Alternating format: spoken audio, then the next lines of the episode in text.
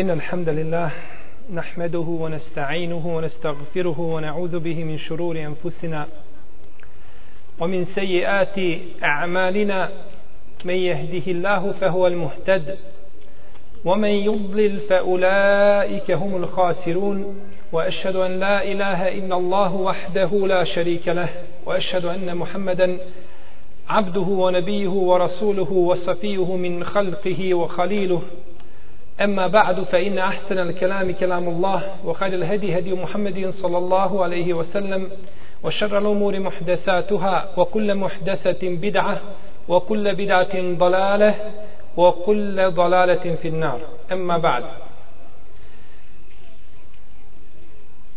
Cijenjena moja braćo, poštovane sestre,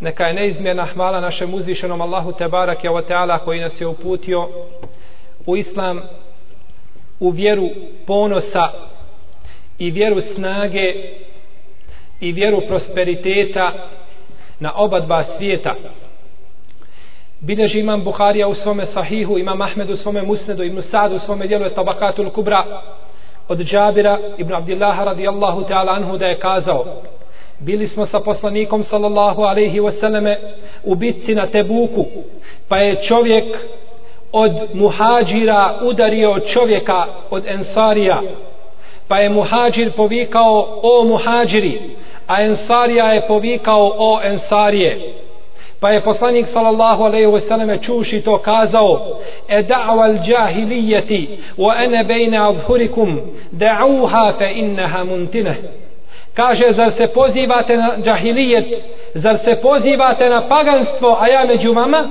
ostavite pa ona je nečista to jeste ta dava i to pozivanje na džahilijet kada je to čuo predvodnik munafika u to vrijeme Abdullah ibn Ubej ibn Salul kazao je jesu li to već učinili jesu li već tako postupili wallahi tako mi Allaha kada se vratimo u Medinu Wallahi la imrađana ila medineti la juhriđenne la azzu minhel ezel tako mi Allaha kada se vratimo u Medinu ponosni će i jaki i silni istirati slabe i ponižene i nejake iz Medine Pa je uzvišeni Allah te barak je otala spomenuo ove njegove riječi u Kur'anu pa kaže je kulune le im rađana ilal medineti le juhriđenne le azzu minha le zel ولله العزة ولرسوله وللمؤمنين ولكن المنافقين لا يعلمون Pa je uzvišen Allah te barak je otala rekao Oni govore kada se vratimo u Medinu ponosni, jaki i silni Će iz nje istirati nejake i slabašne A ponos pripada Allahu i ponos pripada poslaniku i ponos pripada vjernicima. I ponos pripada vjernicima. Pa je izišao Abdullah ibn Abdullah ibn Ubej ibn Selul, sin ovoga Abdullaha Munafika, koji se također zvao Abdullah. Izišao je pred njega na predgrađe Medine i kazao mu tako mi Allaha nećeš ući u Medinu dok ne kažeš Resulullah e'az wa ene e'zel nećeš kaže ući u Medinu dok ne kažeš da je Allahov poslanik ponosan a da sam ja ponižen i da sam ja taj koji je nejak i slabašan pa je htio uzvišen i Allah te barak je ta'ala da obistini riječi ovoga munafika i ovoga licemjera pa ga je uništio nakon par dana kako bileže povijesni izvori pa su ga iznijeli iz Medine mrtva Ponos pripada Allahu i ponos pripada vjernicima i ponos prije toga pripada poslaniku sallallahu alaihi wasallame htio ko htio, odbio ko odbio. To je obećanje uzvišenog stvoritelja te barake od teala. Bileži imam Ibn Ebi Šejbe u svome mustadreku, imam El Hakim u svome mustadreku, da je Omar radijallahu teala anhu kazao Inna kunna ezelle qavmin fe azzel Allahu bil islam فمهما طلبنا العزة بغير ما أعزنا الله به أذلنا الله Mi smo narod koji je bio nejak i koji je bio potlačen i koji je bio ponižen. Pa nas je uzvišen i Allah te barak je otala uzdignuo islamom i počastio nas islamom. I kada budemo svoj ponos tražili mimo islama, ponizit će nas uzvišen i Allah subhane. I bilež ima Mahmed u svome dijelu je zuhd i Sa'id ibn Mansur u svome dijelu je sunen da je Ebu Darda radijallahu ta'ala anhu na dan kada su muslimani oslobodili Kipar odvojio se u stranu i plakao pa su ga upitali prišao mu je Džubeir ibn Nufeir pa mu kaže o Ebu Darda o ashabu poslanika sallallahu alaihi wasallame zar plaćeš u danu kada je uzvišeni Allah počastio muslimane islam sada si našao plakati kaže jeste on o Džubeir. Pogledaj, kaže ovoga naroda, kako je bio silan i kako je bio jak i kako je bio osor. Pa kada se okrenuo od Allahove Đelešanu objave i opomene, pogledaj kako ga je uzvišeni Subhanehu wa Teala ponizio. Walillahi la izzatu wali rasulihi wali mu'minin. A ponos pripada Allahu i poslaniku i vjernicima. I musliman, mu'min, vjernik je sa svojim islamom ponosan i jak i vrijedniji kod Allaha te barak je otala od čitavih nevjerničkih ummeta bilježi imam hakim u svome mustedeku imam tabarani u svome muađemul kebiru da je jedan od ashaba koji se zbao Hakim ibn Hizam ibn Huwailid koji je bio posebno učen u poznavanju potomstva potomstva On je bio sestrić Hatidže, majke vjernika radijallahu ta'ala anha.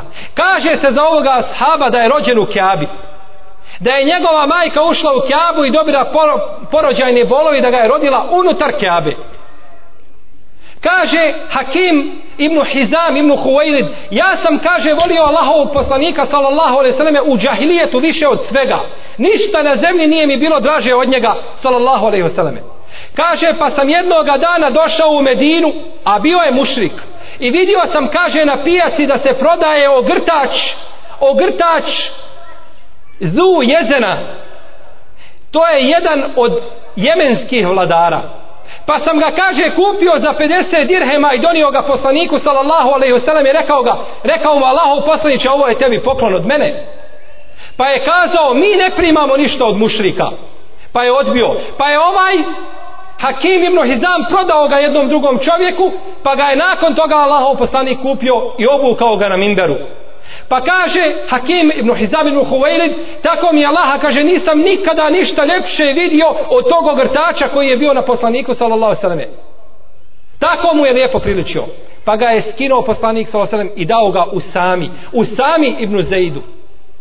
Kada je taj ogrtač Hakim ibn Hizam vidio na Usami kaže Usame zar si ti obukao ogrtač zu jezena ti obru obukao ogrtač tog najvećeg vladara u to vrijeme kaže jeste i ja sam bolji kod Allaha kod njega i moj babo je bolji od njegovog babe i moja majka je bolja od njegove majke jer sam ja musliman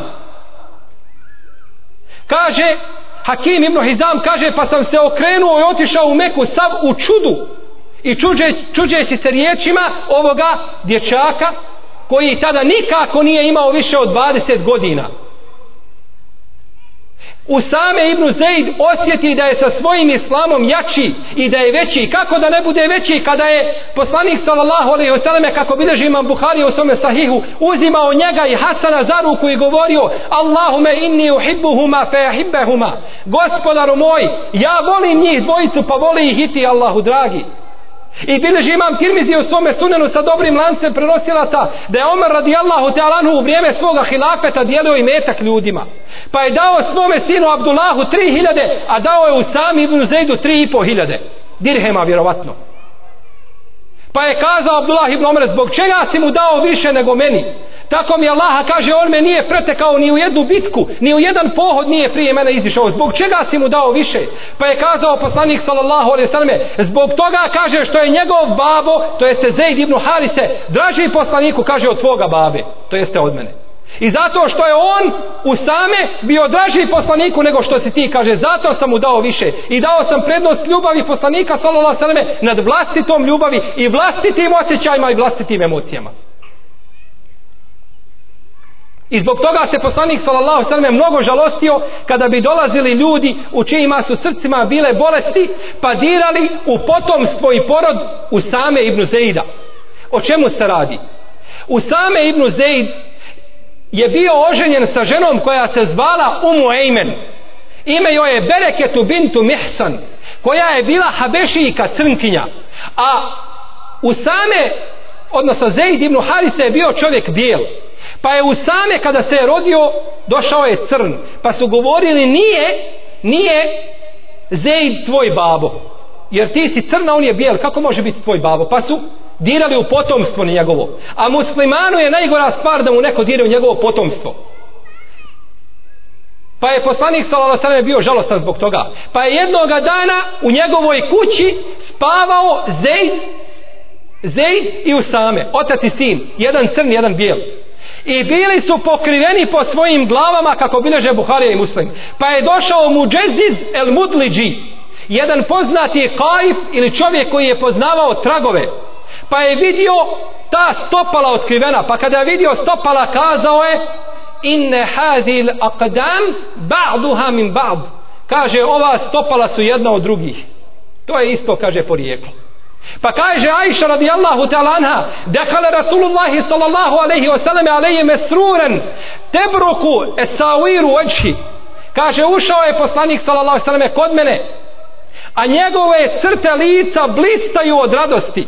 Kaže o Ajša, zar ne vidiš da je mu Džeziz el Mudliđi došao malo prije, pa kaže kazao da su ta stopala jedna od drugi, pa tako pobio riječi svih onih u čijima su srcima bile bolesti. Usame Ibn Zaid osjeća da je veći od jemenskog vladara svojim islamom i uistinu je takav mu'min. I zato mu'min cijenjena moja braćo i poštovane sestre, ne treba da se stidi svoga islama i da se boji. Ne treba da se boji ničega. Pogledajte priču Musa a.s. Olehum aleje zembun fe hafo jaktulun A ja imam kod njih jedan grijeh pa se bojim da me ne ubiju Fa haređe minha hajfe i jatarakab Fa pa izišao u strahu iz tog grada I nije hafo i jukezibun Ja se bojim da me ulažne utjeraju Boj, sve strah, sve strah. Pa mu kaže Allah Đelešanu, kako da ne bude strah? Posla najvećem najvećem nepravedniku i zločincu koga je poznavalo čovječanstvo faraonu. Alehi la'inu Allahi la din.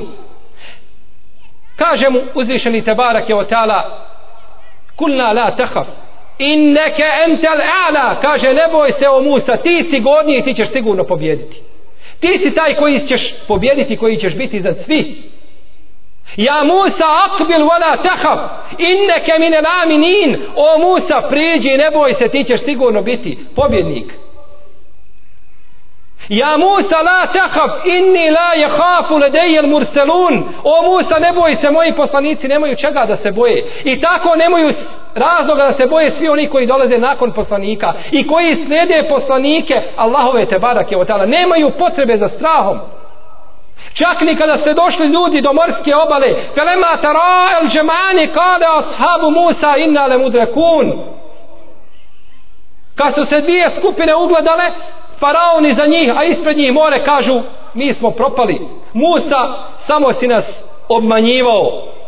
Kaže nikako, kella inne me i rabbi, inne hu se jehdin, nikako sa mnom je moj gospodar, on će mi ukazati, on će me uputiti na pravi put.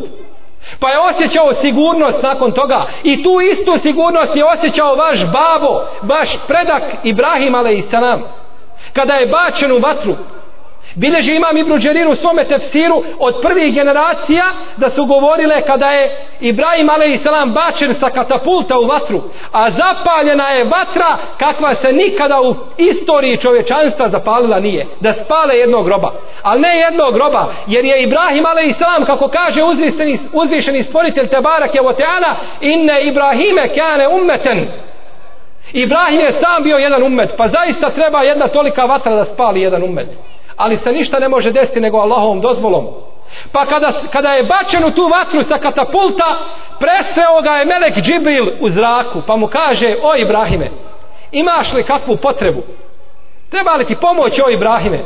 Pa je kazao, o Džibrilu, što se tiče tebe, ja za tobom nikakve potrebe nemam. Ja imam potrebu za svojim stvoriteljem Tebarake o Teala, pa je pao u vatru. Pa šta je bilo? Kunna ja naru kuni brden. O selame nala Ibrahim. I, reče, I reko smo o vatro budi hladnom i spasom i selamom Ibrahimu a.s. Budi hladnom, kaže Ibnu Abbas da je Allah što rekao budi hladnom, on bi se smrzao. Ali spasonost na Ibrahimu a.s. da se on lijepo osjeća u toj vatri. Kaže se u predajama da je Ibrahim a.s. govorio, kaže kamo sreće da je sam moj život bio kao onaj što mi je bio u vatri. Najljepši dani moga života su mi bili u vatri. A kaže se da je proveo u vatri između 40 i 50 dana. Kako navode predaje? Osjećao je tu sigurnost. Možda će neko kazati od prisutnih dobro u redu, to su poslanici, to su vjerovjesnici, nadahnuti objavom od Allaha te barake od tala. Kažemo jeste, no međutim to se isto održavalo sa mu'minima kada su bili pravi vjernici. Pogledajte predaju koji spominje imame Neovi u svome dijelu Bustanu la Arifin i imame Zehej i Ebu Nuaymi drugi. Od Ebu Muslima el Haulanija koji se zvao Abdullah ibn Seub ili Abdullah ibn Eswab. Da je došao el Eswab el Anesi taj pokvarenja koji je sebe smatrao poslanikom i zagovarao poslanstvo. Pa mu je kazao, dođi vamo. Kaže, svjedočiš li ti da sam ja poslanik? Kaže, ne čujem. A kaže, svjedočiš li da je Muhammed poslanik? Kaže, svjedočim. A svjedočiš li kaže da sam ja poslanik? Kaže, ne čujem. A kaže da je Muhammed poslanik? Kaže, svjedočim. A ja, kaže, ne čujem. Kaže, naložite mi vatru. Pa su mu naložili veliku vatru, pa su ga bacili tu vatru kad pogledaše u vatru kad on stoji u vatri i klanja stoji u vatri i klanja pa je došao u vrijeme hilafeta Ebu Bekra u Medinu pa kada ga je Omer vidio poljubio ga je u čelo i kaže hvala Allahu koji me nije usmrtio prije nego što sam vidio i čovjeka koji je učinio kao što je učinio Ibrahim il Halil pa ga je stavio između sebe i Ebu Bekra da mu je samo to odne kada sjedi između njega i Ibu Bekra dovoljno mu ništa više ne treba na dunjalku, a inša Allah htjela sjedit će na ahiretu pogledajte priču faraonove žene jadnica žena nejaka i slabašna stala u lice najvećem nepravedniku na zemlji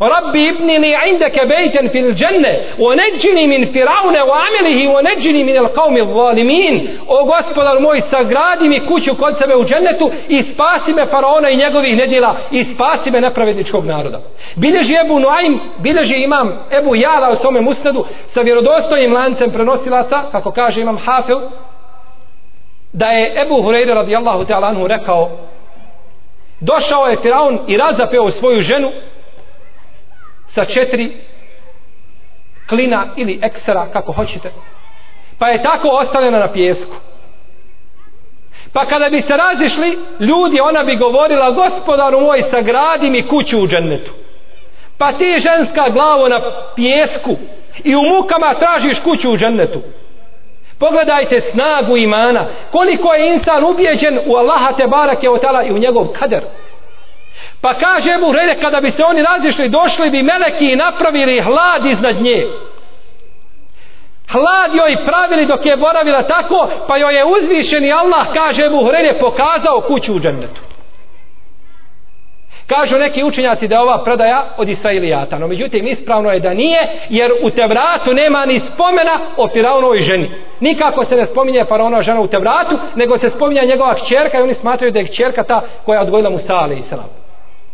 Pa je ispravno da ova predaja od Ebu Hurere, a Ebu Hurere ne može ovako govoriti po svojim prosima, nego znači da je to došlo od poslanika, sallallahu alaihi sallame, da je to došlo od poslanstva. I još čudnija priča od ove koju ste čuli je priča žene koja je češljala faraonovu kćerku, koju je zabilježio imam Tabrani, Hakim i drugi i za koju imam Enhesem i kaže da su njeni prenosioci pouzdani. Navodi se da je jedna žena češljala faraonovu kćerku, pa joj je ispao češalj na zemlju. Pa je kazala bismillah u ime Allaha. Pa joj kaže ova čerka Ebi, kaže, jel ti misliš na moga babu? U ime moga babe, faraona? Kaže, ne, ne, ne, ne, kaže. Rabbi, o rabbu ke, o rabbu je bi Allah. Moj i tvoj gospodar i gospodar tvoga babe Allah. Kaže, onda će to kazati svome babi.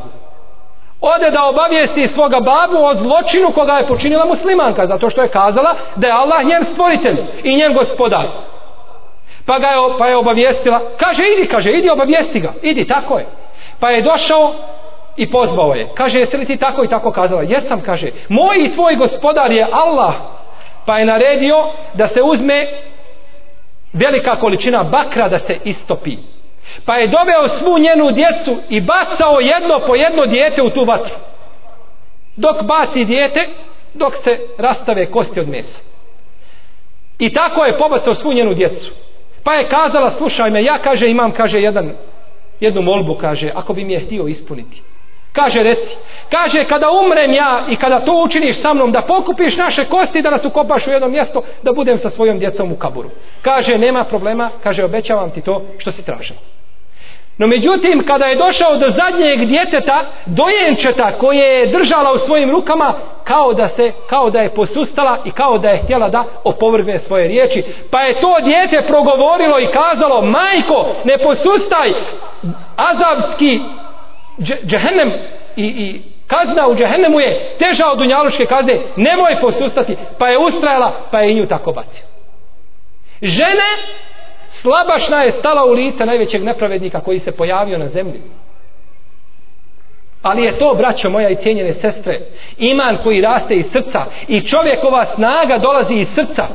Iz srca, ne iz njegovih udova, iz njegovog tijela. Uzvišeni Allah te barak je otala nam u Kur'anu govori jednu jako čudnu stvar koja je vezana za čovjeku u dušu i srce, koji su izvor snage i ponosa mu'mina, naročito u današnjim vremenima u kakvim se nalaze muslimani. Kaže uzvišeni Allah te barake od tada, o šemsi vobuhaha, والقمر إذا تلاها والنهار إذا جلاها والليل إذا يغشاها والسماء وما بناها والأرض وما طحاها والنفس وما سواها Jedanest puta se uzvišeni kune, znate li na čemu? Uspio je onaj ko očisti svoju dušu i svoje srce. Jedan, nigdje se uzvišeni nije jedanest puta zakleo, nego na ovoj stvari u Kur'anu. Jedanest puta uspio je ko? ko napravi sebi kuću i ko kupi dobar automobil, ta je uspio. Uspio je ko očisti svoju dušu i svoje srce, jer je to ponos i snaga njegov, njegov kuvet koji dolazi iz njegovog srca. Jer neće imati snage i neće imati ponosa ako mu srce ne bude bilo čisto. Spominje šeh Selman El Auda da je jedan čovjek u Saudijskoj Arabiji bio paraliziran, nije mogao ni svojim rukama ni nogama da napravi ni jedan jedini pokret. Pa su mu došli ljudi u posjetu. Pa je jedan od prisutni opsovao Allaha te barake o ta'ala. Pa ovaj čovjek, mu'minska duša, kada je proradila, počeo je sav da se trese i da se grči i da se pomjera dok nije skočio na svoje noge. Bolnica ga otpustila, nikomu ne može pomoći. Ali kada je čuo da se Allahove granice prelaze i da se uzvišeni Allah vrijeđa, njegovo lice je pocrvenilo i zajapurilo se i naljutio se da je dobio snage i kuveta iz svoga srca da je skočio. Udovi uzimaju snagu iz srca. Zato kada je, zato kada je Urve ibn Zubeir otišao u Šam pa mu amputirali nogu kazao je ja ću stati u namaz a vi meni sjecite nogu šta je uradio u stvari kaže ja neću osjetiti nije zaista ni pomirio sam onim ostiklu stopalo on se nije ni pomirio zbog čega zato što je svu svoju snagu koja se nalazi u njegovim udojima vratio u svoje srce u taj izvor i to mjesto gdje snaga boravi tu svoju snagu vratio u srce i okrenuo se prema Allahu Đelšanu da mu klanja namaz i tako je tijelo ostalo, samo je ostala noga ovaj leš, živi leš, ništa drugo pa su ga moglo osjeći raditi šta hoće jer srce dobija jer braćo moja i cijenjene sestro tijelo čovjeka dobija snagu iz njegovog srca i zato ćete vidjeti čovjeka kao brdo no međutim nikakve vrijednosti nema niti ima hrabrosti, niti ima bilo koje pohvale osobine. Jer nije snagu svoga srca iskoristio. A to je samo mu'minu. Mu'min tako dobija snagu i on je taj koji osjeti, i on je taj koji osjeti, koji osjeti tu snagu. Danas muslimani diljem svijeta izgovaraju svi ešhedu en la ilaha illallah o ešhedu ene muhammeda rasulullah. A 80% muslimana, Allah najbolje zna, ne zna šta znače te riječi i ako zna šta znače u prevodu, nije dok učio stvarno značenje te riječi. Da su razumjeli samo jednu riječ iz šehadeta, njihovo stanje bi se tako mi uzvišenog Allaha promijenilo za 180 stepeni. Riječ ešhed. Šta riječ ešhedu znači u arapskom? Šta znači u arapskom riječ ešhed? Mi to prevodimo, prevodimo svjedočimo. No, međutim, braćo, ta riječ u arapskom jeziku znači ja vidim. Pa kad kažeš tu riječ, znači ja vidim Allaha. Baš tako. Ja vidim Allaha. Tako znači ta riječ. Pa daj mi recite kada čovjek vidi nekoga i kada vidi svoga stvoritelja, može li uraditi išta što je suprotno njegovoj vjeri? Ne može. Jer se stidi svoga gospodara.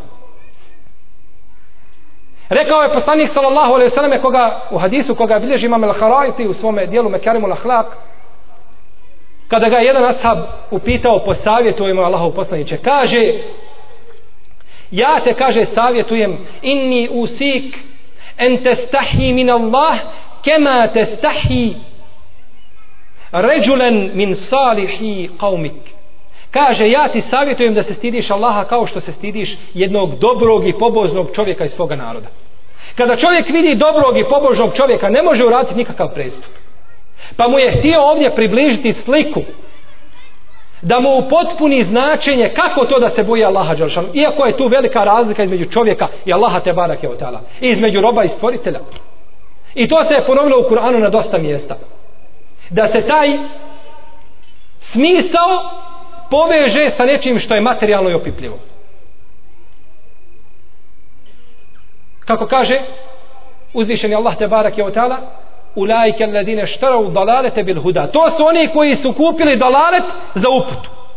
Uputa i dalalet to je misao, to se ne može, to nije opipljivo. A kupovina i prodava, prodaja je nešto što je opipljivo, pa je htio nama uzvićeni da približi koliko se oni trudili da kupe svoj džahilijet i da kupe svoj dalalet i platili su ga neiskupljom cijenom, a to je huda i to je uputa pa su skrenuli s pravog puta. Ili hadis koga bilježi ima muslim u svome sahihu od El Abasa, da je poslanik sallallahu sallam rekao, Zaka tame iman men radije billahi rabba o bil islami dina o bi Muhammedi rasula. Osjeti će slast imana.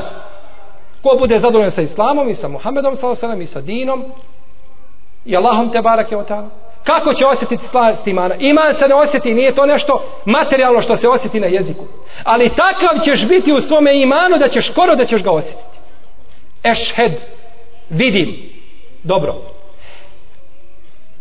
uzvišeni Allah te barak je utala po akajdu ehlu sunnata u džemata se ne može vidjeti sa dunjaluku la tu drikuhul absar pogledi ga ne mogu dokučiti ne mogu ga vidjeti u redu brate i cenjena sestru ako ne možeš vidjeti Allaha ti onda spusti se jednu stepenicu niže jednu deređu niže pa ako ti ne vidiš Allaha on tebe vidi Fe in lem tekun terahu fe inahu je rak. Ako ti njega ne vidiš, on tebe vidi. E kad se spustiš tu stepenicu niže, znaj da je to kulminacija imana i da je to najveći iman i to se zove el ihsan. El ihsan. To je najveći stepen i najveći oblik imana. El ihsan. Da obožavaš Allaha kao da ga vidiš, pa ako ti njega ne vidiš, on tebe vidi. To znači, braćo, ešhed. Kao da ga vidim. Kao da ga vidim i svjedočim da je Muhammed poslanik. Šta znači svjedočim da je Muhammed poslanik? Pitanje imam Ali ibn Abdel Kjafi, Taqiyuddin Esubki, u stvari spominje u svome dijelu koje se zove Bejanu kauli el imam il mutallibi i da saha al hadisu fehova medhebi. Ima jedno dijelo koje je pod ovim nazivom. Govori o imamu Šafi u njemu i o nekim njegovim izrekama. Pa navodi tu pitanje, kaže, ako poslanik sallallahu alaihi sallam kaže da nešto ne može, a ima mezheba kaže da može, kaže kako ćemo postupiti? Vidite, ešhed, svjedočim da je Muhammed sallallahu alaihi sallam njegov poslanik. Pa je kazao, u redu, zamisli sebi da je došao ispred tebe Allahov poslanik sallallahu alaihi sallam i da je došao ima mezheba. I Allahov poslanik kaže, ne smiješ činiti. A ima mezheba kaže, čini. Kome ćeš se pokoriti? Kome ćeš se pokoriti? Kako je navio lijep, lijep primjer? Kako se možeš pokoriti nekome drugom mimo poslaniku sallallahu alaihi wa alaihi wa E to je značenje ešed. Ja ću vam sada navesti jedan primjer. Upitaću vas jednu stvar, a vi odgovor zadržite sebi. Meni odgovor vaš ne treba da sada dođe ovdje među nas poslanik sallallahu alejhi ve selleme i mi svi ubeđeni da je on Allahov poslanik i kaže nam o muslimani idite svojim kućama i razvedite svaki svoju ženu koju volite s kojom imate djecu i dođite mi sa svojim imetkom kao sedakom da ga podijelimo na Allahovom putu i imate 24 sahata vremena koliko bi se muslimana odazvalo ovoj naredbi ovdje od prisutnih Ja ću vam kazati koliko. Ja ću vam kazati koliko. Svi. Ne sumnjam, tako mi je lahan iz koliko zrno gorušice, da bi se sve jedan musliman koji je ovdje odazvao na takav jedan poziv. Kako da se ne odazoveš? Allahov ti poslanik sallallahu alaihi sallam naredio. Kako da se ne odazoveš? Kakvim pravom i kojim pravom? Morao bi se odazvati. Pa dobro, subhanallah, Allahov nam poslanik tako mi je Laha nije to naredio. Naredio nam je nešto što je puno manje od toga. Naredio nam je da budemo u pokorni, da budemo pokorni Allahu te barake od Allah. Pa zbog čega mu se ne pokorimo?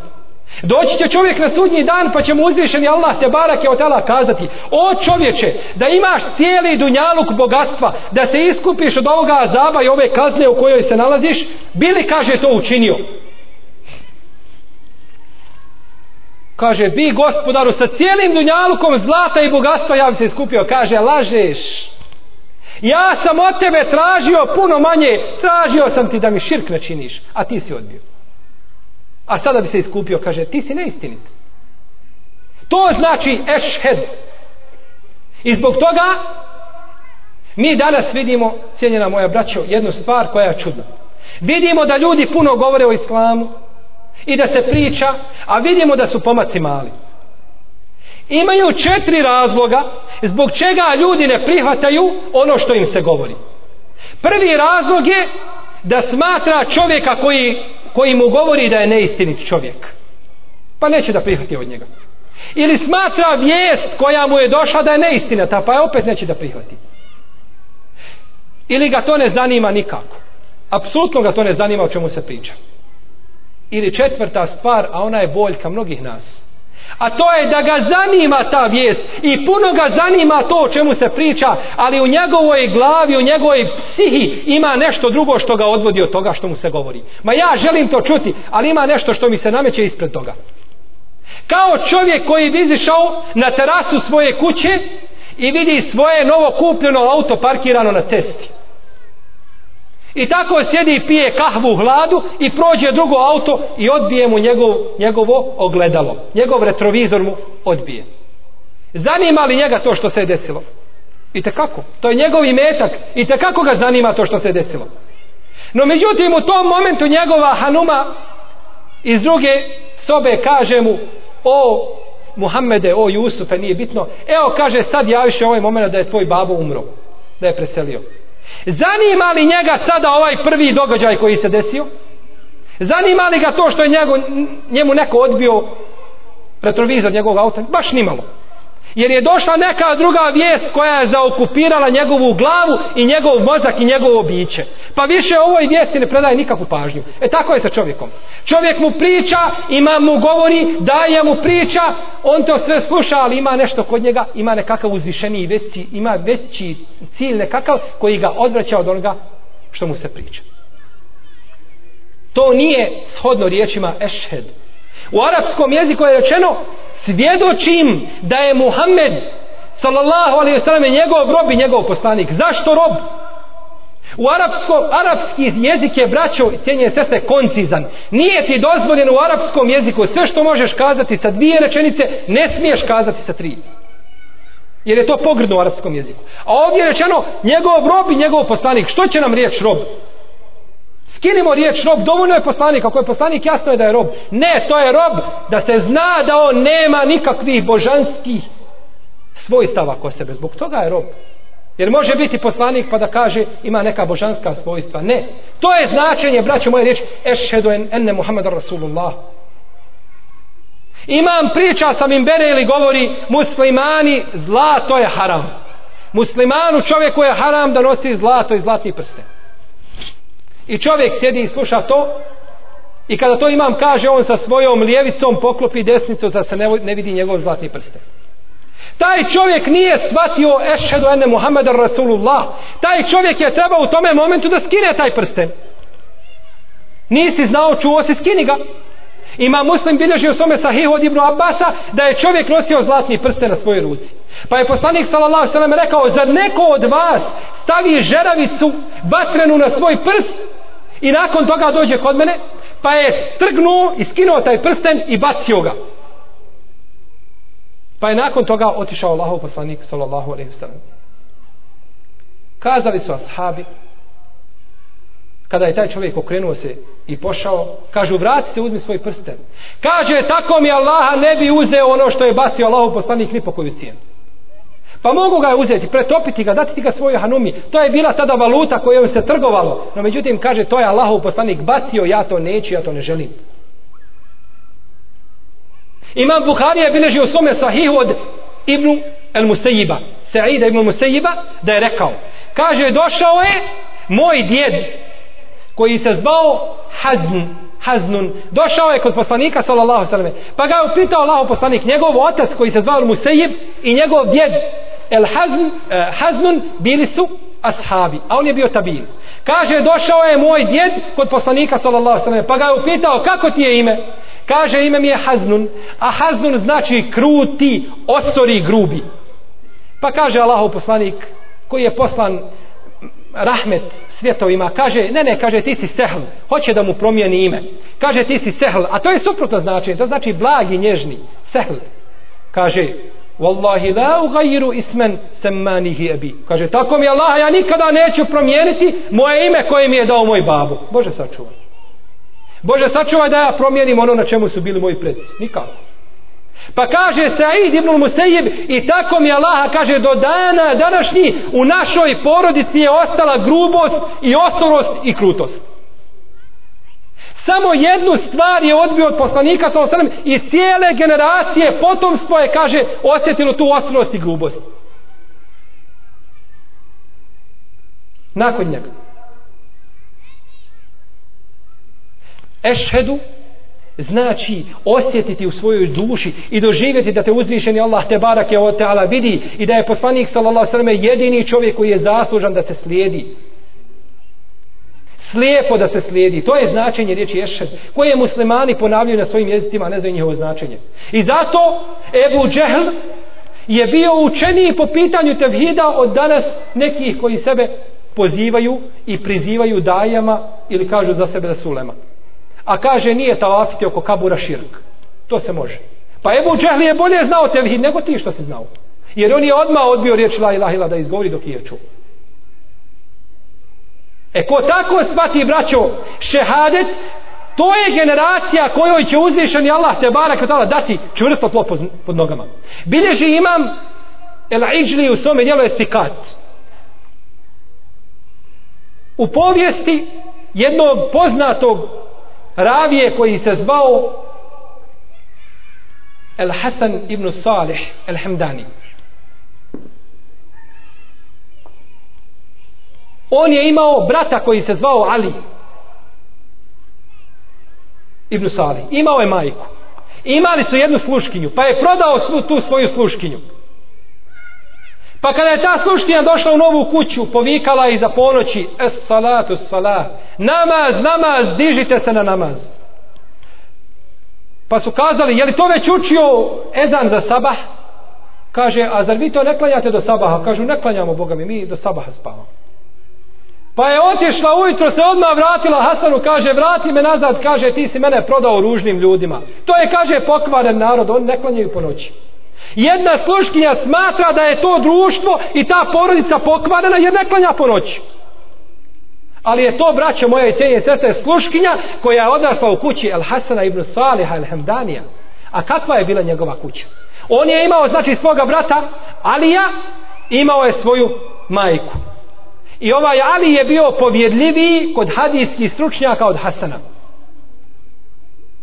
pa su podijeljeni nije troje noć na tri dijela. Jednu trećinu bi klanjao Hasan, a drugu bi klanjao Alija, a treću bi klanjala majka. I tako do zore. Pa je umrla majka, pa su podijelili svoju noć na dva dijela. Jedan dio klanja Hasan, drugi dio klanja Ali. Pa kada je umro Ali, ostao je Hasan sam da klanja cijelo već.